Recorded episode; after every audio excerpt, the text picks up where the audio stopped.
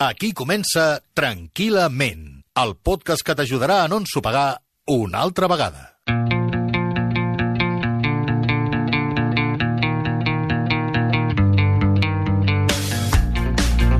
Bon dia, bona tarda, bona nit.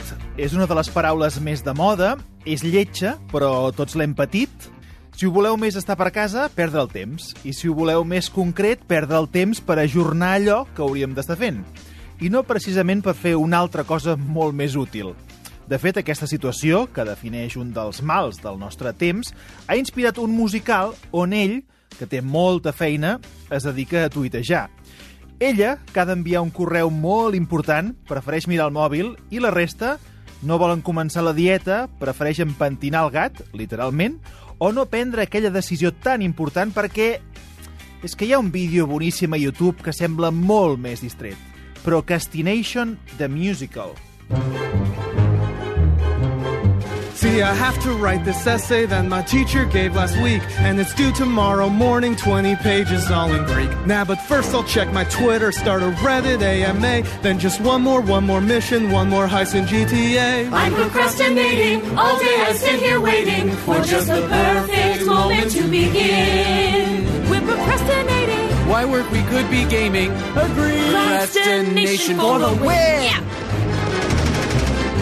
See, I need to lose some weight. My wedding day's a week away, so I'm only eating veggies and I'm starting that today. But I'm getting really hungry and those cookies look sublime. Fine, I'll have just one or two or ten. Why not? It's not a crime. We're procrastinating. No better way than eating. Cause nothing else could possibly compare. I'm procrastinating. It's Avui really el tranquil·lament procrastinar o perdre el temps amb elegància. Per cert, potser hauríeu d'estar fent alguna cosa molt important en lloc d'escoltar aquest podcast, no? No, no, no, segur que pot esperar. Xavier Guix, què tal? Molt bé. Benvingut. Molt bé, doncs bon dia, bona tarda, bona nit. Bona nit. El mal de moda. El mal de moda, el mal de tota la vida, però que ara fins i tot té un musical, per tant... Sí, si imagina't si té un musical, vol dir que és molt vol dir que és important. molt important, perquè arribar a fer un musical d'un tema, això és molt difícil, eh? perquè és molt més interessant mirar un vídeo de YouTube com els que estàvem escoltant, molt més interessant tuitejar, molt més interessant menjar-se un pastís que prendre una decisió important, entregar un treball o tenir una conversa que no ens Sí. ve molt de gust. Bueno, tot això eh, ens diu molt de com vivim avui, mm. perquè el, procrastar, el procrastinar, eh, històricament, sempre l'hem concebut com eh, que tenia dos potes que ens ajudava una mica a entendre per què procrastinem. Però avui n'hem d'afegir un altre. Eh? Hem de fer com un, allò, el triangle, hem de fer el, el taburet de tres potes. Aleshores, les dues potes habituals i clàssiques Sí. sempre són una, la mandra, Perfecte. fa mandra, Sí, no em no ve em de ve de gust, gust, exacte. ja ho faré... Estic al sofà, ja ho resoldrem, mitja hora més, o al llit, cinc minuts més. Exacte, aleshores anem, anem procrastinant i anem deixant... Uh, anem, anem a allò que l'Stephen Covey va crear aquella famosa graella que parlava del que és important i el que és urgent, no? Aleshores ens dediquem a l'urgent, però no al que és important. I, per tant, aquí és on la, la comencem I a ara embolicar-nos. és molt urgent tuitejar. Exacte. I ara és molt urgent saber què ha dit el Piqué d'un partit del Barça. Exacte. I ara és molt urgent que, que jo sàpiga de què va un vídeo viral que m'enviaran i que l'ho he de saber perquè, clar, m'ho diran o m'ho preguntaran i jo no m'ho hauré mirat. I la, la veritat és que no és urgent i probablement tampoc important. Què m'importa a mi saber ara què ha dit el Piqué? Quan potser tinc coses més importants a fer. Doncs formar part d'un món, d'una societat, d'un grup d'amics que en Ara, parlarà... Ara, ara, doncs, eh, doncs aquí, aquí, aquí anirem a parar la tercera pota. Però la primera pota és aquesta, la mandra, Sí. eh, la peresa, que a vegades se'ns agafa, sobretot quan hem de fer coses, doncs això, que sabem que per si mateixes el seu principi és un principi de no plaer. Això que haig de fer és una obligació, això que haig de fer no, em fa mandra. Aquesta és una de les claus. Home, clar. O sigui, no procrastinem per anar-nos a menjar un pastís. No, procrastinem perquè no volem afrontar el que dèiem. Exacte. Una conversa, entregar un treball, tenir... Fa mandra, fa mandra, perquè, tenir... perquè sabem que allò... Exacte, sabem que allò serà costós, sabem que allò potser ens portarà algun disgust, sabem sobretot que estem obligats a Però fer-ho. això és molt humà. Molt humà. Jo no vull tenir Molt un humà. problema, per tant no m'hi enfronto. Exacte, i Home, això clar. hem d'entendre que procrastinar, jo em sembla que tots a la vida, i m'atreveixo a fer una generalització que no l'hauria de fer, però em sembla que no conec ningú que no hagi procrastinat amb res. És a dir, que sigui capaç de no procrastinar mai. Perquè està lligat a la nostra mateixa essència, que és eh, ja ens enfrontarem a aquest problema quan ens vagi Exacte. millor. Per tant, la primera seria la mandrota. Ara, després hi ha una segona. I la segona és la por. També, a vegades, afrontar coses ens és ingrat. Perquè, home, això que deies pot tenir conseqüències una mica majors. I, per tant, ai, és que si m'hi poso, això que has dit, tindrem un conflicte, si ja tenim conflicte, tinc por de que es trenqui la relació... És I millor que... no en parlem. Millor no ho parlem. fem. Millor no ho fem. Millor deixem-ho estar. Millor ho ajornem. Exacte, ajornem Per avui, per demà i per demà passat. Estic enfadat, però com que d'aquí dues hores ja no estaré enfadat, o com que demà em llevaré ja no estaré enfadat... Hi ha famílies que tenen temes, de vegades tu eh, entres en una família i et diuen bueno, aquest tema millor no en parlem, eh? No Exacte. parlis de tal persona, no toquis política, No toquis política, no parlis no de Vox, no parlis de la CUP, no parlis del procés, Sí. no parlis de Bertino Osborne. Exacte. I tu dius, bueno, però per què? Ui, no, perquè fa uns anys Sí, va sí. haver-hi un disgust amb la tieta, va passar no sé què, i aquest tema no es parla. I jo llavors sempre dic, amb, amb, amb ganes d'ajudar, però escolta, no hauríem de solucionar això? No! No. Si fins ara no s'ha solucionat, ara vindràs tu a dir-nos de què hem de parlar i de què no podem parlar. Per tant, ens mou la por a les conseqüències. I aleshores procrastinem perquè tenim por a les conseqüències. És que, ai, si passarà això, si passarà allò, ja saps que la ment humana amb això som molt entretinguts i solem regirar molt allò de si m'equivoco, si em surt malament, què passarà... Per tant, davant d'un disgust i d'una incertesa, no ho fem. No ho fem. Per tant, ja tenim les dues potes clàssiques... Mandra i por. Mandra i por. Però, però, crec que has afegit, hem d'afegir avui, Mm. una tercera pota que ens porta justament a procrastinar, que és la sobreexcitació o la sobreabundància en informació. És a dir, estem saturats. Aleshores, la saturació informativa també ens porta a un cert grau de procrastinació. Per què? Com tu has dit, haig d'estar al cas de tot, haig d'estar al dia de tot, i per tant haig d'estar l'última. I l'última quina és? Doncs com ens han ensenyat aquests que van inventar la tecnologia, que és que mirem el mòbil encara que el mòbil no ens estigui demanant res, encara que no toqui ni en tinguem ganes. Però se'ns en va la mà i mirem a veure si hi ha alguna notícia, a veure si hi ha algun mail, a veure si hi ha algun contacte, a veure si hi ha algun WhatsApp. I, per tant, estem com molt supeditats a la immediatesa. Per tant, la immediatesa, que seria la forma de descriure això que t'estic dient, la immediatesa és la que ens acaba portant les males conseqüències d'haver de deixar coses perquè lo immediat s'imposa. Mm. Aleshores ja tenim les tres, les tres potes. La mandra, la por, la immediatesa. I sobre la immediatesa, una altra qüestió que també és molt d'ara, un, un exemple concret. Eh, jo parlava amb una persona eh, d'un programa de televisió i llavors jo vaig quedar amb aquesta persona. I aquesta persona va arribar tard, tot i que jo també, com ja hem explicat en altres podcasts, tinc una certa tendència a arribar tard que estic intentant corregir. Però, Molt en tot cas, l'altra persona va arribar més tard del que jo vaig arribar. I quan aquesta persona va arribar, evidentment li vaig preguntar, dic, escolta, per què has arribat tard? I em diu, per culpa teva. Perquè m'estava mirant el programa de televisió que tu em vas dir que m'havia de mirar. Dic, home, però tampoc passa res. Diu, no, perquè llavors avui me'n parlaràs, no me l'hauré mirat i no sabré de què va. Aquí està, veus? Aleshores, és allò de... Eh, però això seria una conseqüència d'haver procrastinat. Quan tu li vas dir, si ho hagués mirat en el seu moment, ja estaria. Però no, ja ho faré, ja ho deixaré. Per què? Perquè s'imposa l'immediat. Mm. I quan s'imposa l'immediat, aleshores aquí ja estem atrapats en el rendiment, estem atrapats en la urgència, allò que dèiem, no és important ni urgent, però ho haig de fer. Mm. Aleshores, aquestes són les causes que ens porten a procrastinar. Clar, la mandra és per fer-s'ho mirar perquè, home, la mandra ens està indicant que de fons hi ha alguna cosa que no hem, hem entès suficientment bé. I normalment, quan parlem d'això, apel·lem a la motivació. Tema que ja saps que n'hi ha sortint, Sí. perquè hi ha diferents temes on la motivació acaba apareixent. Aquest és un d'ells.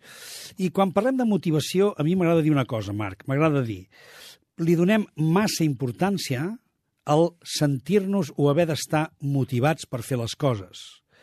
Quan sabem que el ser humà, per la seva pròpia condició, com has dit tu abans, no cada dia se sent igual. Ni es lleva igual, ni té les hormones al mateix lloc, ni és una Vols màquina. dir que no cal que cada dia estiguem amb una és- tensió no, màxima? És, exacte, no som una màquina. Sí. I, per tant, no sempre estem motivats. però, compte, Sí, clar, no, clar, disculpi'm, aquí, doctor, disculpi'm, perquè si ens n'anem a l'altre costat, Claro. tenim gent que eh, costa diferenciar del sofà. Exacte. Aleshores, aquí és on diem potser cal que comencem a comprendre que no hem de parlar tant de motivació com de motius. Tinc motius per haver-me d'aixecar? Sí. Tinc motius per haver-me de primar? Sí. Tinc motius per haver d'entregar el treball? Sí. Tinc motius per haver d'estudiar? Sí. Tinc motius per haver de mirar el Twitter? Segurament no. Sí. O sí, No. Però llavors, és a dir, jo he entès les potes i entenc el que m'estàs explicant. Però eh, és absurd fer veure que vivim en un món en el que no vivim. Vivim en un món de xarxes socials, vivim en un món de... de... He dit Twitter, diré una altra cosa. Sí. WhatsApp, fem-ho més gros. És a Sí, dir, sí. Eh, he de mirar els whatsapps. No he de mirar els whatsapps una mica per tonteria, sí, però se m'han acumulat durant el dia, els he de mirar. He arribat tard perquè estava mirant els whatsapps. He arribat, eh, no, no he entregat allò perquè estava mirant els whatsapps. No he fet allò que havia de fer perquè estava mirant els whatsapps. Home, doncs no, em sembla bastant important també mirar els whatsapps. Sí, però hi ha un moment per fer-ho. Perquè si no ens desconnectem del món. Però hi ha un moment per fer-ho. Aleshores, aquí és on està els límits de les coses. On poso els límits i, sobretot, on col·loco els meus motius. El motiu principal pel qual jo haig de fer una cosa, eh, quin és? Aquest. Doncs, doncs és un motiu principal. I per això distingim entre urgent i important. Però si resulta que tot ho poso al mateix sac, aleshores sempre s'imposarà la immediatesa. Fixa't que hi ha una cosa terrible que i entenc el que em dius i entenc que hi ha molta gent que s'ho ha cregut. I és que ens hem acabat creient un, un axioma terrible que diu és que si no estàs a les xarxes no existeixes. Això és terrible. Perquè Perquè és una mica cert. és cert, segons, sen- segons, Mica. se- segons on situem Perquè- el ser vist. Que tu em dius a les xarxes, però jo puc extrapolar-ho a les converses dels amics, a, a saber parlar amb altres persones del que es parla en aquell moment... Exacte. Eh? Aleshores, una cosa és, jo haig d'estar una mica al dia per poder estar a la vida quotidiana, l'altre dia una persona, per exemple, em deia això, no? em deia, jo és que tinc por de socialitzar-me perquè no sé què dir. Podria dir tantes coses, I, però i, no sé i alhora res. Per què? Perquè quan estic davant d'algú o, o m'haig de socialitzar, no sé què dir-li. Jo dic, home, però sempre hi ha arguments contemporaneitzadors, no? Aleshores, parla del temps, parla del Barça, Molt bé. parla de la política, parla Molt el que sigui, converses, sí, perquè sí. són converses que encara que no anem a No, aprofundir no, res, la conversa del barber... però és la conversa que ens serveix per començar la conversa. Jo crec que amb el, amb el meu barber cada dia tinc la mateixa conversa. Efectivament. Sempre és en el fons sempre és la mateixa. Toquem tots els tòpics, eh, Exacte. cabell tallat i cap a casa. Aleshores, Marc, no pot ser que considerem o ens creiem de debò que jo no existeixo si no estic a les xarxes, si no estic present. Perquè aleshores la meva motivació serà que cada dia haig de fer-ho com sigui per aparèixer a les xarxes. I tenim ja mils ex- d'exemples de gent que ha quedat molt atrapada i que ho està passant molt malament i que fins i tot eh, hi ha hagut suïcidis. Aleshores, mm, recordem aquella vella, aquella vella cantinella del Petit Príncep, Le Petit Prince, Saint-Exupéry, l'invisible, sí, l'essencial és invisible als ulls. Per tant, l'essencial no està a les xarxes. Fantàstic, eh, A la- fantàstica referència i fantàstic musical, Exacte. també. I aleshores, Petit Príncep. exacte, i aleshores aquí hem de recordar això. Hi ha motius per fer les coses, però no sempre estaràs motivat. I com que no sempre estaràs motivat, no pots apel·lar al sentit de sentir-me. És que no em sento prou motivat. No, no. A veure, hi ha motius per fer-ho, sí, doncs, doncs aleshores apel·la als motius. I això és el que t'ajudarà a sortir una mica d'aquesta sensació de que haig de procrastinar. No la sensació, sinó que acabo procrastinant per la mandra, per la por, per la immediatesa. Tinc diverses potes encara, eh? Vinga. Eh, estem basculant sobre no fem coses per la por, no fem coses per la mandra, o deixem de fer-les, eh, o ja les farem més endavant, i també per la, per la sobreexcitació i per la sobreinformació. La immediatesa. La immediatesa que comentava. Val. Però és que el que fem per no fer una altra cosa més important, ens provoca plaer. Aquesta és la gran eh, qüestió de la procrastinació. És a dir, jo no perdo el temps per perdre'l. És que a mi mirar Twitter a mi em satisfà. Sí. A mi mirar els missatges em satisfà. Sí. A mi mirar-me la tele em satisfà. Sí. Em satisfà molt més que barallar-me amb no sé qui Sí. o fer segons quin treball. Això és el que fan els nens. Val, D'acord, però aquest plaer immediat Sí, sí. funciona. És que si no, no estaríem parlant d'aquest tema. però aleshores tu et pots passar la vida de plers immediats? O en algun moment hauràs de parar? Vols que et contesti? Sí. voldries, voldries. Ja vam fer el Peter Pan. Sí, sí, vam voldries, parlar, vam ja ho sé, Pan, voldries, voldries, Pan, voldries sí. mantenir la vida en un estat de, de joc continu i de satisfacció contínua. Això no tu, no. Això ho voldríem tots, això és la gran aspiració. Però això ens, ens, ens col·loca en un espai de puer eternos on no acabem de créixer. Aleshores, la maduració sempre ens porta a un cert grau d'avorriment, però no un avorriment en el sentit de passar-ho malament, sinó un sentit d'estabilitat. I quan vas fent gran, un prefereix, més que estar vivint vi- una vida de Peter Pan i de plaers, doncs la, la tranquil·litat o la serenor que porta a vegades lo quotidià. I per tant, a vegades el procrastinar, ja t'entenc per on vas, eh, el que intenta és, el que hem dit abans, intento donar-me un gust davant del disgust del que haig de fer. Un gust abans de la patacada. Exacte. Però jo tinc una teoria. Vinga. Me l'he treballat molt i la poso damunt de la taula de la procrastinació, perquè aquest tema, eh, fixeu-vos, eh, els que ens esteu escoltant, i que potser hauríeu de fer una altra cosa, però ara esteu fent això, que ja ens convé que estigueu fent I tant. això, i escolteu el podcast. Aquest tema té moltes, aquesta ceba té, té moltes capes. I si resulta que no estem procrastinant, sinó que no estem preparats per afrontar alguna cosa i per això eh, n'estem fent una altra? Sí. Aquesta és la meva teoria sobre el procrastinar. Sí, és a però- dir, però aleshores no li direm- eh, eh, no, no ens volem afrontar, no volem afrontar alguna cosa Clar. i perquè hi ha moltes frases associades a això. Ara no és el moment, ara no em veig amb cor, quan arribi el moment ho sabré i ho faré. Hi ha moltes persones que ho pensen i que no ho fan, però n'hi ha d'altres que si, per exemple, ens posem en el, en el cas de la conversa, és a dir, procrastinem perquè no volem afrontar una conversa que hem de tenir, potser no estem preparats per tenir aquella conversa i potser estem fent altres coses molt més inútils i no pot ser que interiorment ens estiguem preparats i que quan arribi el moment deixarem de procrastinar perquè és quan toca? Sí, però aleshores, Pregunto. sí, però aleshores ja, ja t'entenc la teva teoria, però aleshores no en diríem d'això procrastinar. Perquè la procrastinació indica que prèviament hi ha quelcom que haig de fer, quelcom que s'ha decidit que s'ha de fer, o quelcom que m'he compromès a fer. Per tant, tu m'estàs dient, home, una cosa és que m'hagi compromès, però m'hagi compromès una cosa que no arribo. Aleshores, la procrastinació m'ajudaria a que me'n doni compte de que en realitat m'estic ficant en un camí que no m'haig de ficar. Per què? Perquè no estic preparat per caminar-lo. Aleshores, el fet de procrastinar em dona la dimensió, em dona la imatge, el que en diem el reflexe, no? el mirall, em fa el reflexe de dir, ei, per què estàs procrastinant?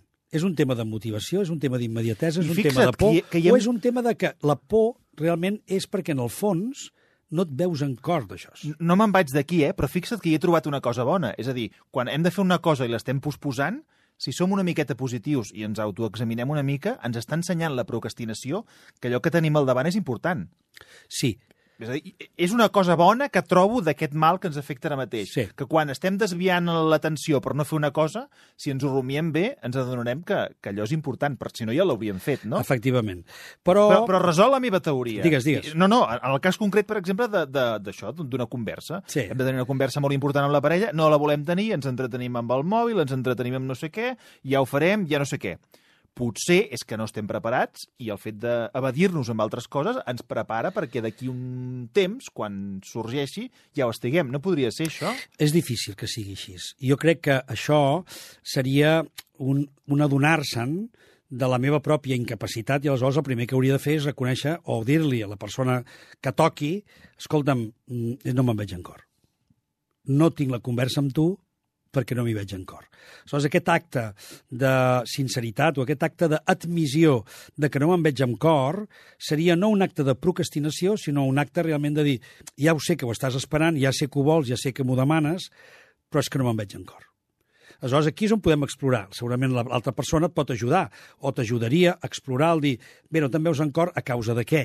Que et fa por les conseqüències, no et sents capaç de mantenir una conversa en la que t'apreti una miqueta, eh, quina és la causa? Aleshores veuràs com al fons, en el fons, en el fons, anirem a parar a un tema, on la por i el, la por al disgust, la por a equivocar-se, la por a que et rebutgin, la por a la culpa, apareixeran com una causa del per què tu no tens l'acció que hauries de fer. Tinc dos últimes branques. La primera, que també la vull posar damunt de la taula, el tedi. No pot ser que estiguin vivint en un tedi general? Sí. I el tedi ens porti a la procrastinació? És a dir, Sí. quan parlem de gent que no li interessa res, Sí. i aquesta gent no afronta res, i per tant, què? Perd Sí. el temps en tonteries. Sí, però eh, aquí tenim un problema. És a dir, aquí hi ha un problema de fons. Quan una persona no és capaç de connectar amb el desig, quan una persona no és capaç d'estar viva, i per tant entra en un estat sumort, en un estat de d'indiferència de tot, un estat en el que només és com una mena d'existir. Existeixo i m'ho passo tot, i m'ho vaig empassant, com aquell que es, que es posa davant la tele i és igual que li fotin perquè s'ho passa tot. Aleshores, què vol dir? Ui, aquesta persona per dintre està mig morta. Per tant, aquí hauríem d'atendre que està passant alguna cosa, i alguna cosa seriosa, tipus depressiva, tipus desconnexió, tipus necessitat de com de protegir-se interiorment i que no el molestin. Aleshores, aquí en, enten, entendríem que hi ha alguna dificultat psicològica que hauríem d'atendre.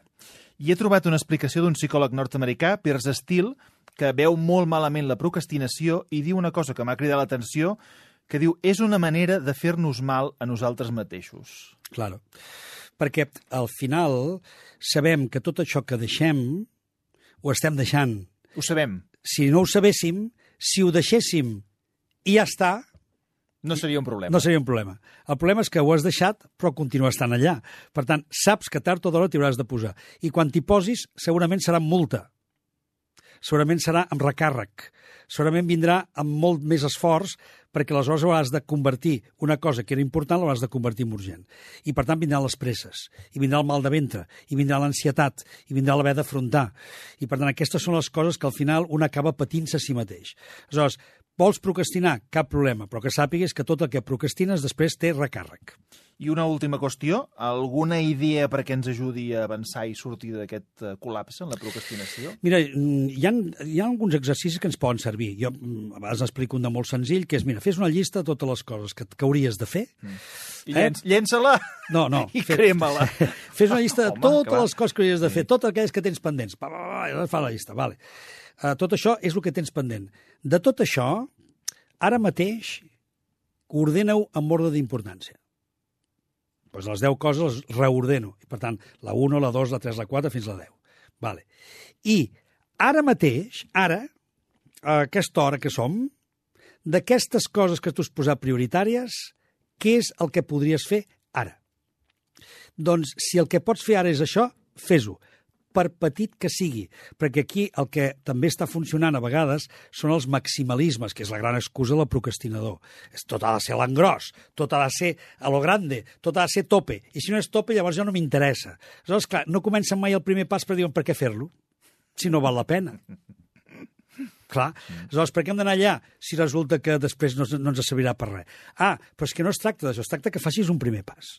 Per tant, el primer pas, com el, nen, com el bebè que aprèn a caminar i necessita caure milers de vegades, igual que el bebè, tu també has de començar a fer un primer pas, i un segon i un tercer. I a mesura que vas fent passos, et vas fent més fort.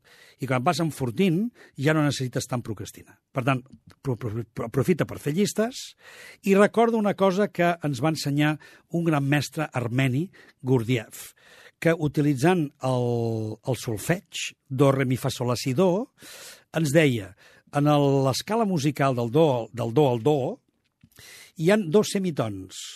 Do, re, mi, fa, el Sí. fa és un semitò, Sí. i el si abans de l'últim do també és un semitò. I diu, i això, traslladat a la vida de les persones quan s'imposen coses que han de fer, diu, vol dir, senzillament que quan comencis quelcom, sortida de cavall, però et vindrà una parada de burro. Que vol dir, al cap de començar et vindrà una prova.